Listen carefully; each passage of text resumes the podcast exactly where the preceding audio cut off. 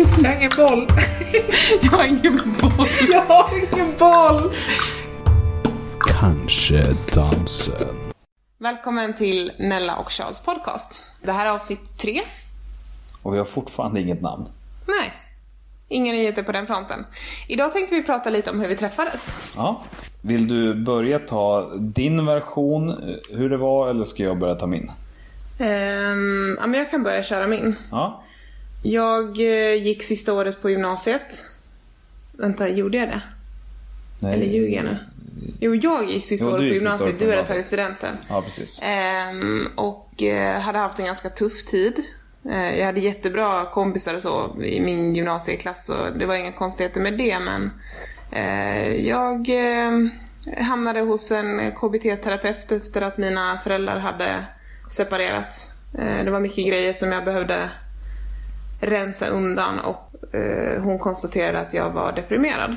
Och under den här tiden så kändes inte så många grejer roligt i mitt liv. Så att jag hängde mest framför datorn. Tog mig fortfarande till skolan och gjorde faktiskt väldigt bra ifrån mig också, måste jag säga.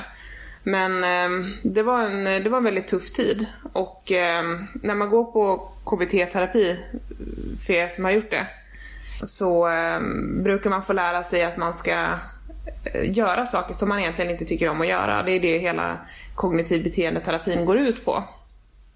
Och en av de grejerna var att jag inte längre ville gå ut och göra saker. Men eh, då hade hon uppmuntrat mig till att jag skulle börja säga ja.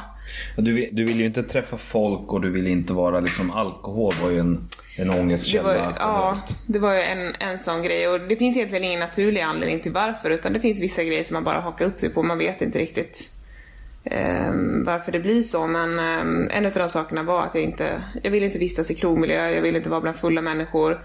Jag fick ångest av att dricka alkohol. Även om jag bara skulle dricka lite alkohol så, så var det så psykiskt laddat att jag kände mig påverkad och eh, ångestfylld ändå. Trots att inte alkoholen i sig hade påverkat mig. Och det var så att jag eh, eh hade fått en, eh, en fråga från två av mina kompisar om jag ville följa med ut på krogen. Och istället för att säga nej så sa jag ja. Så att vi var ute på ett eh, uteställe som heter Café Deluxe i Växjö. Staden där jag eh, gick på gymnasiet. Eh, jag är uppvuxen i Alvesta, eh, två mil utanför. Och eh, kvällen rann iväg. Vi hade jätteroligt och drack och dansade och eh, sen så började det bli dags att gå hem. Varpå min kompis träffar en kille med ett lakan draget över huvudet. Och om vi pausar där, för nu börjar vi liksom närma oss skärpunkten i Mm. Precis. historien. Och fr- från mitt perspektiv då, så var det så att jag hade eh, ganska nyligen blivit singel. Det var bara en eller två veckor efter. Eh, jag hade kommit ur ett ganska långt förhållande som hade varat i ja, två och ett halvt år. Eh, och det var egentligen det första förhållandet som jag hade haft. Och nu helt plötsligt då efter ett ganska eh, omvälvande avbrott så var det då plötsligt eh, så var jag singel. Och började liksom ställa in huvudet på det. Det var en väldigt eh, konstig tid där jag gick in i ett väldigt, väldigt så här grabb-grabbigt läge överlag. Och tänkte liksom, ja men nu ska jag jävlar mig leva singelliv. Och till saken då hör jag att jag bodde nere i Växjö vid den här tiden därför att ja, min eh, dåvarande flickvän helt enkelt hade flyttat ner dit och då hade jag flyttat efter och gick klart sista året i gymnasiet där. Men jag följde med eh, en ytlig bekant ut på någon fest som låg utanför någonstans. Jag kommer inte ihåg vart det var. Det var i alla fall en hemmafest med inte jättemånga personer. Och jag blev ganska snabbt lite för berusad och jag var också, alltså på det här Alltså jag hade ju väldigt tydligt ställt in mig på att ikväll ska jag jävlar mig ligga. Eh, och när det inte fanns så många personer där så var ju det ganska snabbt liksom tydligt att okej.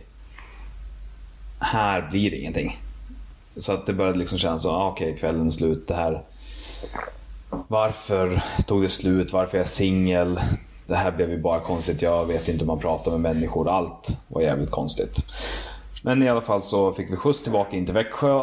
Och så hade jag ju kommit till freds med att den här kvällen var slut och det var väl eh, kul att testa det här med att vara singel. Även fast det gick åt helvete på alla sätt och vis mot vad jag hade planerat och förväntat mig. Men så sa en av de som jag hade hängt med, alltså min kompis, min ytliga bekantas kompis. Alltså jag är hungrig. Jag vill till Donken. Och jag kände det att ja, men om jag inte har fått ligga, då kan jag i alla fall få god mat.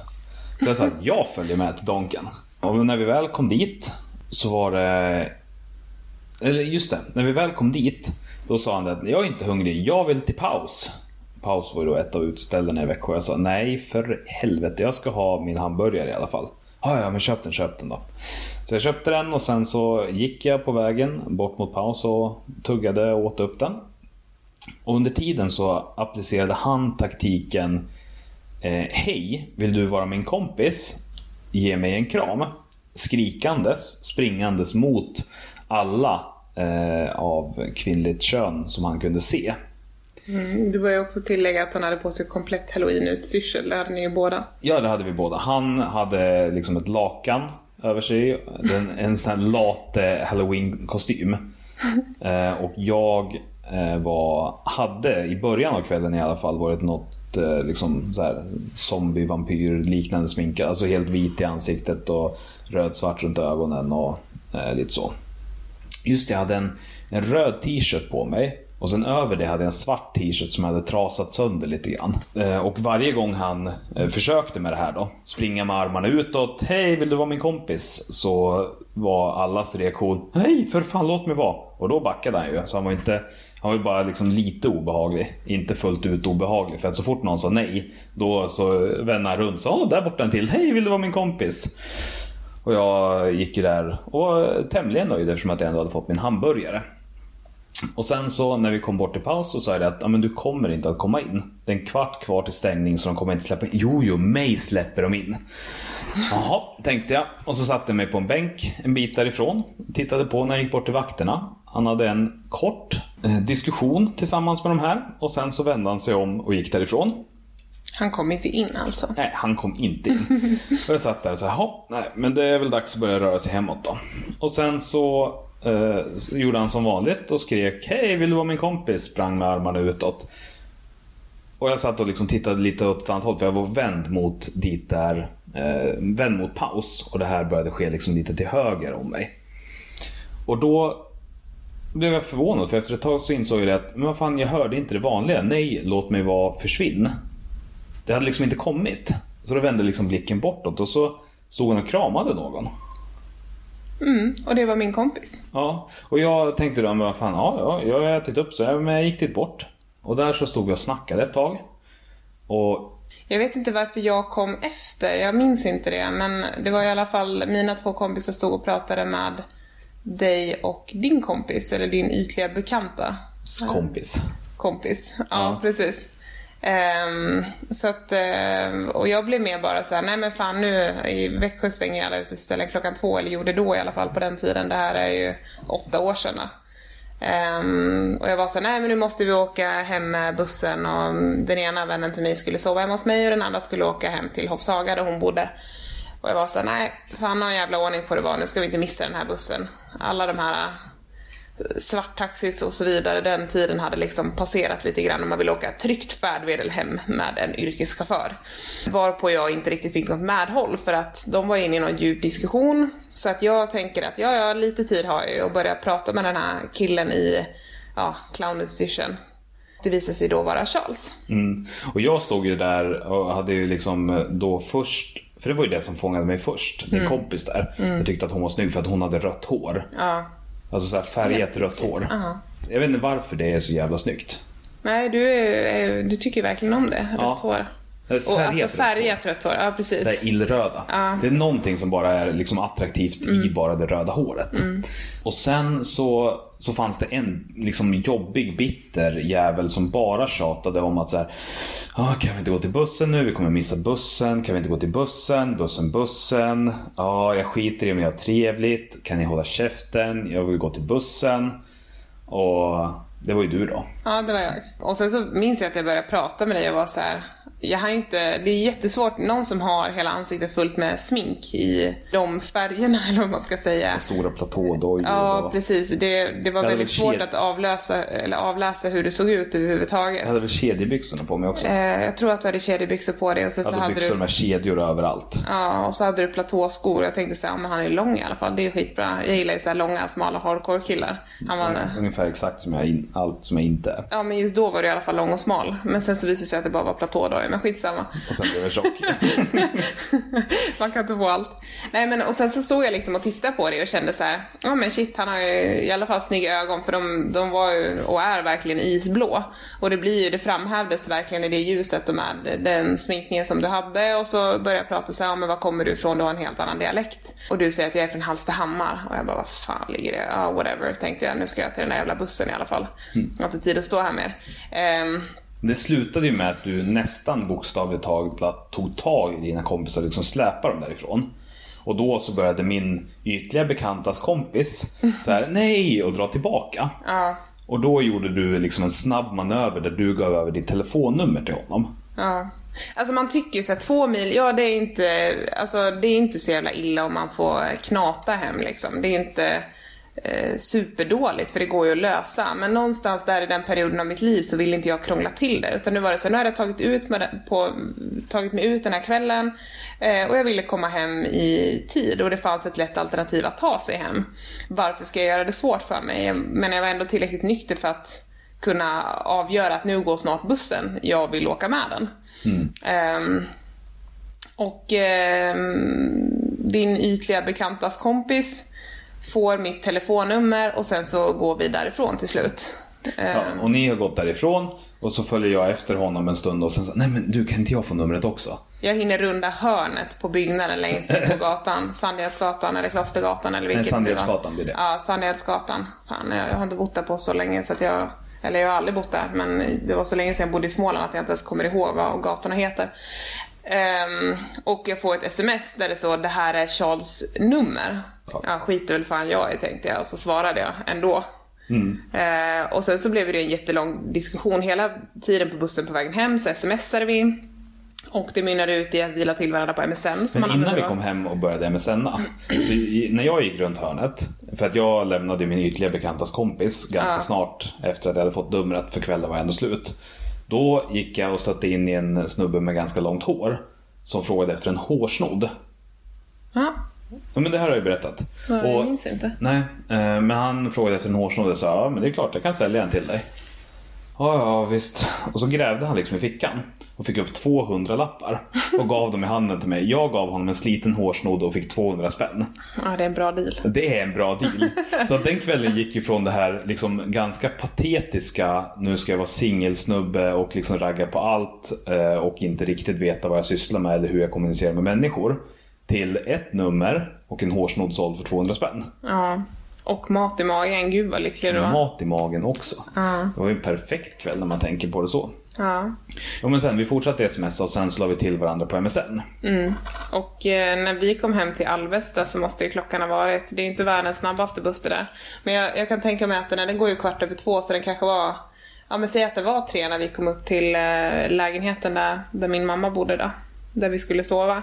Då somnade min kompis väl kommit upp till min mammas lägenhet och eh, jag blev sittandes vid datorn och fortsatte prata med dig. Och det blev liksom bara, det var någonting som bara drev mig vidare i diskussionen med dig. Jag vet inte vad som, vad som sades eller, men eh, jag blev bara, jag fastnade där. Jag kommer inte alls ihåg vad vi pratade om överhuvudtaget men jag vet att vi satt och skrev och det började ljusna utanför. Det liksom var väldigt, någonstans runt 6-7 satt vi i alla fall och skrev till. Ja, jag tror eh, snarare att klockan var runt 5-6 men det var i alla fall ljus. Det var ju... Det var ju... Det var ju mitt- november. Ja, det var ju november men... eh, Ja, nej men det kanske var runt 6-7 då. För jag, jag minns jag minns i alla fall att det hade börjat ljusna. Ja, Så ja, mycket vi vet pratade väldigt länge.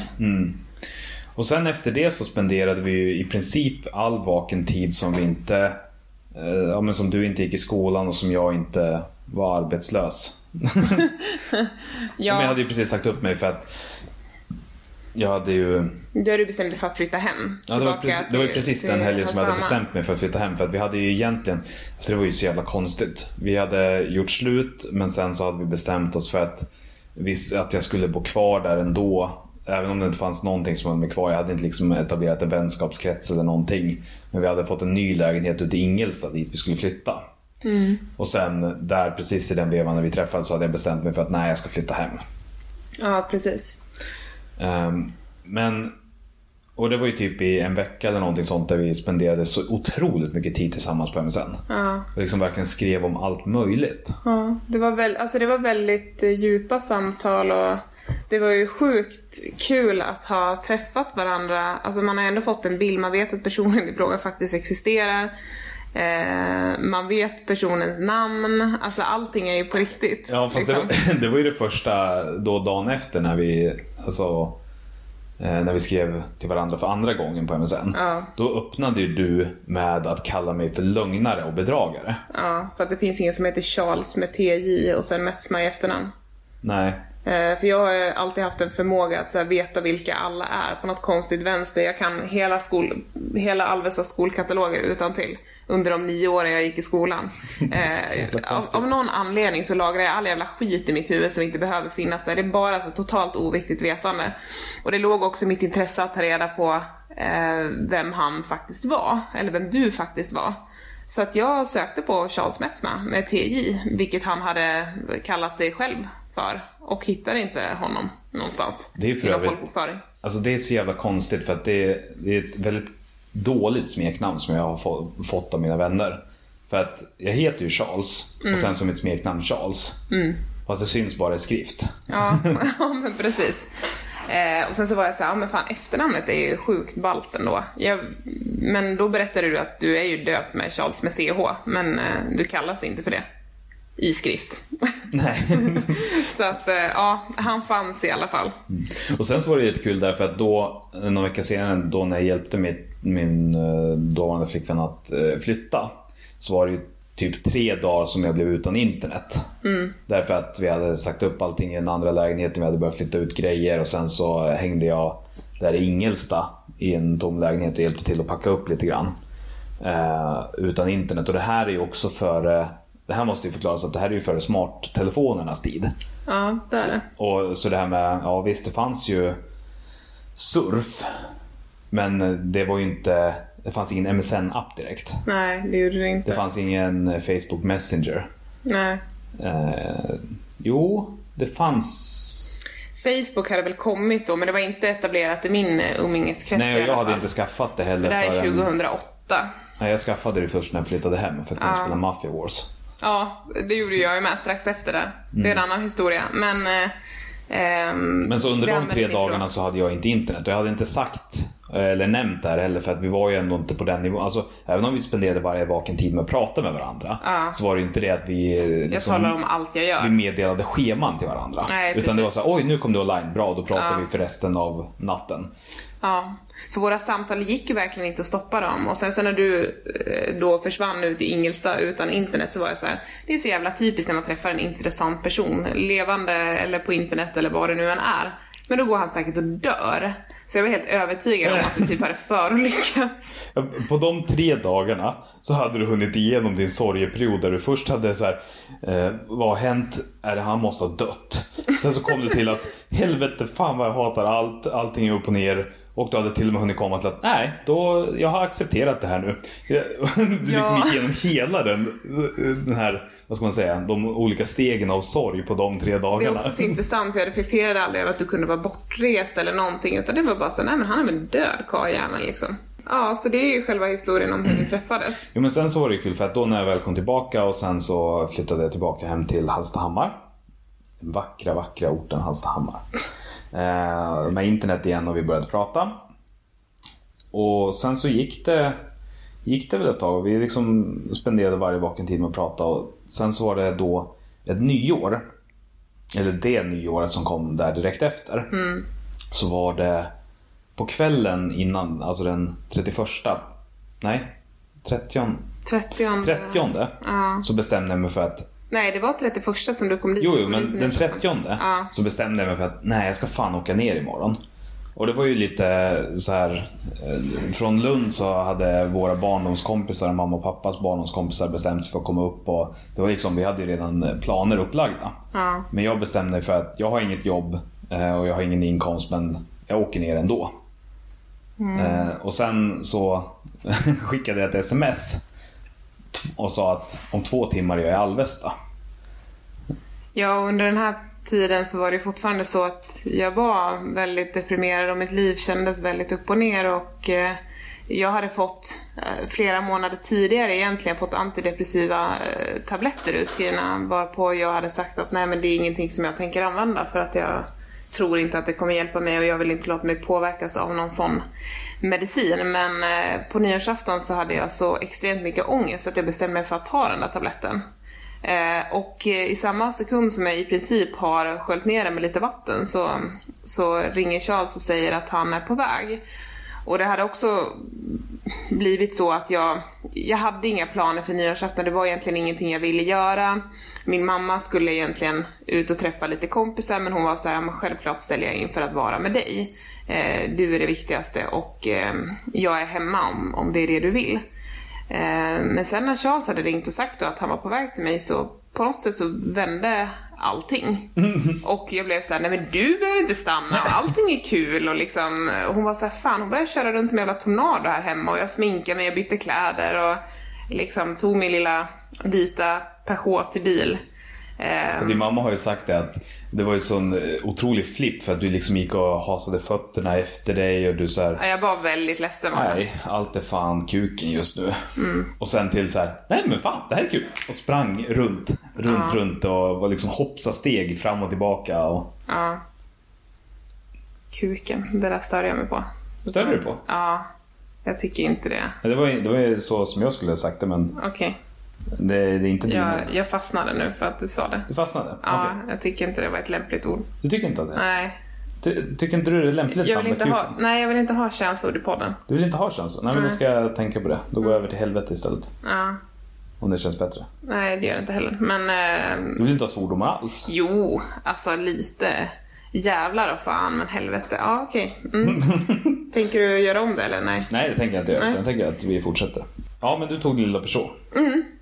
Och någonting som jag och Charles hade diskuterat på MSN var en sån här grej, alltså vi hade ju pratat om allting egentligen, du och jag. Um, och uh, en utav de grejerna var att, nej men alltså en kille utan deodorant är inte intressant.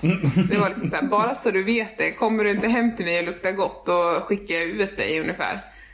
Um, det var inte exakt de orden jag sa eftersom jag inte hade förväntat mig att du skulle komma hem till mig. Men liksom, Nej, men du pratade om det som ett arbiträrt tredjepersonsperspektiv. Att Precis. den som kommer hem till mig. Ja. Ehm, och eh, han var skitnöjd över det här. Och var såhär, oh, shit nu gäller det att ladda med deo här för nu ska jag komma hem till tjejen med mycket regler, typ. Ja, men det var ju en av de första sakerna jag sa också. Så här, ja, jag, har, jag har deo på mig. jag plockade i alla fall upp honom på stationen, Alvesta station, eh, med min lilla vita bil. Och ehm, kör hem till mamma. Var på mamma och hennes kompis möter oss två i trappan och typ det har vi fått återberättat för oss. De tittar på Charles, eh, vänder sig mot varandra och bara Wow, snygg kille liksom. Ehm, och jag bara, jag vet, plocka honom på stationen. Eh, och sen så hade vi ju faktiskt väldigt rolig nyårsafton, vi var ju hemma. Vi satt Ehm. åt... Just det, för det var ju på den tiden när jag fortfarande eh, hade godisuppehåll. Ja. Jag hade en åttaårsperiod i mitt liv där jag inte åt godis. Mm. Förutom en dag om året, och det var nyårsafton. Eh, varpå jag åt ungefär en års konsumtion av godis på en dag. Jag brukade köpa såna här eh, grossistburkar med turkisk peppar. Sådana som är på 2,2 kilo. Mm, du hade med dig en sån burk och sen en hel påse med godis. Ja, Lösgodis. Och även om jag, liksom, jag har ju fantastiskt förkärlek för turkisk peppar. Men jag kan säga det att när man äter de mängderna. Alltså jag, jag, efter varje nyårsafton så hade jag sår i munnen i två veckor. Ja. Alltså dels av att de är hårda och skär men också det här saltet och... Ja, men skitsamma. Vi satt och åt lösgodis och vi tittade på Yrrol. Och det var en sån sak. Jag hade ju skrytit om att men jag kan varenda replik i Yrrol. För jag tittar på den så många gånger. Det är världen, eller Sveriges bästa film i alla fall. Eh, sen så kunde jag inte så jättemånga av dem. men Jag satt och försökte liksom låtsas som att jag kunde alla. För nu var det dags att liksom leverera och leva upp till vad jag hade liksom sagt. ja. Var min bror hemma också? Nej, det var bara du och jag. Det var bara du och jag. Ja, och vi spelade Guitar Hero och sen kom tolvslaget. Varpå Charles klämmer ur sig den. Vi, vi stod ute på, på balkongen och tittade på fyrverkerierna. Ja, min mamma, hennes, eh, i hyreshuset där hon eh, bor, det ligger ganska högt upp om man säger i Alvesta. Så det, det ligger upp en backe så att man ser väldigt bra. Men jag vet att det var disigt på himlen i alla fall. Ja, det var det. Eh, och Charles han klämmer ur sig den cheesy repliken bara mm, är det nu man ska pussas? Och så här jätteförsynt och försiktig. Ja, Alltså för att jag eh, var ju verkligen inte så här Don Juan. nej. Det var jag ju inte. Men det spelade ingen roll, för jag tyckte om det i alla fall. Och jag visste ju, även om du hade berättat det, jag visste ju inte att du inte var det. För att du var ju, du är ju och var ju sjukt jävla snygg. Alltså så. Och jag fick ju inte ihop, alltså hela, alla de här samtalen och allting som vi hade lagt så extremt mycket tid på. Och det var ju både intima samtal och liksom vardagliga samtal. Och så här, men, men jag fick ju verkligen inte ihop ditt utseende. Alltså när man kommer från en liten ort så har man ju ändå vissa föreställningar om vad, hur en viss person är. Och med vissa intressen i den orten så finns det ändå ett visst fack som man sorteras in i. Alltså indirekt, även om man inte har tänkt sig att det är så där så blir det ändå så. Man har liksom de som spelar fotboll eller de som spelar hockey eller de som håller på med Warhammer-figurer och det kommer en viss stämpel med det liksom. Och du hade ju liksom dreadlocks, du gillade metal och du målade Warhammer. Och det var ju så här: okej den här Warhammer-biten den är sjukt avtändande, den behöver vi inte prata så mycket om. Resten på dig är liksom snyggt. Men jag kunde ju ändå inte, du var ju så extremt speciell. Och sen har jag liksom fått se, jag hade fått se bilder av din familj och så här, bara fan dina föräldrar ser helt normala ut va? Du ser ju inte så normal ut. alltså man, har, man får ju sina fördomar liksom. Och ehm, jag tyckte att du var extremt attraktiv. Ja, men det tyck, eh, tycker jag fortfarande, men jag tyckte det då, redan då med. Att jag är det. Ja. Eller att du själv är det. Nej, att du, jag pratar om dig ja. Så att, eh, ja, det blev en liten puss där på balkongen och... Ja, och sen så blev det ju att jag hade ju bara bokat en biljett ner och sen så hade jag inte bokat någon hem. Så jag blev väl kvar där i nästan, Du var där till 11 januari. ja, jag var där skitlänge. 12 dagar. Ändå kändes det som att de gick, alltså de gick så vansinnigt fort. Vi hade så himla roligt och det visade sig också att vi hade en eh, gemensam bekant för att jag läste hotell och restaurangprogrammet på John Bauer eh, och i klassen under mig så, så gick det en, eh, en kille som jag visste vem han var. För att eh, generellt så är det mest, det var mest tjejer som läste på det programmet då. Eh, och det visade sig också att du faktiskt kände till vem han var också. Ja, det var en av de få bekanta som jag hade i Växjö. Jag hade träffat, eller jag hade liksom stött på hans flickvän, hans dåvarande flickvän via bilddagboken. Och sen så hade han liksom kommit in i samtalet och han var här uppifrån Västmanland också. Så att vi liksom, eh, det blev att vi hängde lite grann då och då. Väldigt konstigt sammanträffande, för för mig är det så här, jag visste inte ens var Västmanland låg. Och sen helt plötsligt inom en så kort period ändå som det ändå var så kände jag två personer här uppifrån. Ehm, och det blev en jävla soppa. Men det var ju ganska kul också eftersom att en av de dagarna som jag var där nere så var vi iväg och åkte skridskor. Ja, med min familj. Ja. Och jag är inte, alltså jag är inte dålig, jag kan åka skridskor. Men jag är väl heller inte liksom som din familj som har vuxit upp och din pappa spelar hockey och din bror spelar hockey och du har spelat hockey. Och du, du kan ju åka skridskor. Ja, alltså det har ju, det är väl så på något sätt. Jag är ganska, jag är lik min pappa väldigt mycket och det har alltid funnits naturligt liksom. Vi har varit mycket ute och åkt skridskor och så med på sjön och, och sådana grejer. Så det sitter ju ändå i mig på något sätt. Min mamma är också väldigt bra på att åka skridskor. Så att, eh, Medan min taktik för att liksom stanna exempelvis är antingen stå still tills farten har avtagit och sväng. Eller lägg dig ner på isen. Det är ungefär de två alternativen jag har för att få stopp på mig själv. Eller jag tre kör in i någonting. Och jag började väl någonstans under den här tiden som du var hos mig. Alltså vi gjorde ju mycket olika saker men när vi var ute och eh, åkte skridskor så du hade gjort ganska tydligt för mig att jag är inte redo för ett nytt förhållande. Ehm, sa ju du. Ja, men jag hade ju hunnit ställa in mig på att nu jävlar ska jag leva singelliv. Precis, och sen så bara dyker jag upp. Du hinner inte ens avsluta det första förhållandet innan nästa tjej dyker upp liksom. Eh, och ehm, när du ställer dig på de där skridskorna så tänkte jag bara herregud, alltså är det någonting som är avtändande så är det, är det att titta på det här när han åker skridskor. Och jag Och kände han, för spe- den... han håller ju på med Warhammer också, jag kanske kan avsluta det. här. Ja men det fanns liksom, det, det var det enda felet, eller fel och fel, men det var liksom det enda jag kunde hitta som var så här: okej det här är inte attraktivt. Det här är liksom, det är pinsamt hur du för dig på de där skridskorna. Ehm, Och, eh, men vi hade roligt i alla fall och det slutade med att du fick en hockeyklubba i ögat av min bror. Du hade, jag inte ihåg. du hade ett stort eh, typ blåmärke slash reva på ögonlocket. Jaha, Du hade fått skaftet i ögat. Jaha det minns jag inte. Nej, och sen... ehm, ja, så att det, det blev liksom en sån här grej som, som vi hade lite roligt åt efteråt sen när jag berättade att det var så jag hade känt. Ja. Att jag liksom såhär, nej gud, nej han kanske inte är rätt, herregud. Men på något sätt så hade jag också under den här tiden när jag hade varit, när jag hade mått lite sämre och sådär så var jag också väldigt kräsen med vilka nya människor jag tog in i mitt liv. Och eh, framförallt om man pratar om att vara tillsammans med någon så hade jag väldigt höga krav. Och jag kunde haka upp mig på små, små detaljer och det här var en sån grej som jag bara kände att fan det här förstör lite grann. fan skulle jag hit och åka skridskor med honom för? Men det, ja, kärleken övervinner allt. Det, det la sig till slut. Ja, det övervann i alla fall min dåliga skridskoåkning. Um, men vi hade också väldigt roligt. Vi, vi var ju hemma hos vår gemensamma vän där också som um, hyrde ett rum i källare och vi spelade musik och hängde och ja, nej men vi hade, vi hade sjukt kul. Och sen så tog tiden slut och du åkte hem. Jag var ju Och, tvungen att åka hem för att jag hade ju sökt in och kommit in på en, eh, en reservplats för att läsa engelska på Ja, just det. Mm. högskolan. Så att det var ju liksom den kursstarten som jag var tvungen att åka ja, hem till. Eh, ja, och sen ett halvår senare så flyttade du upp till Västmanland.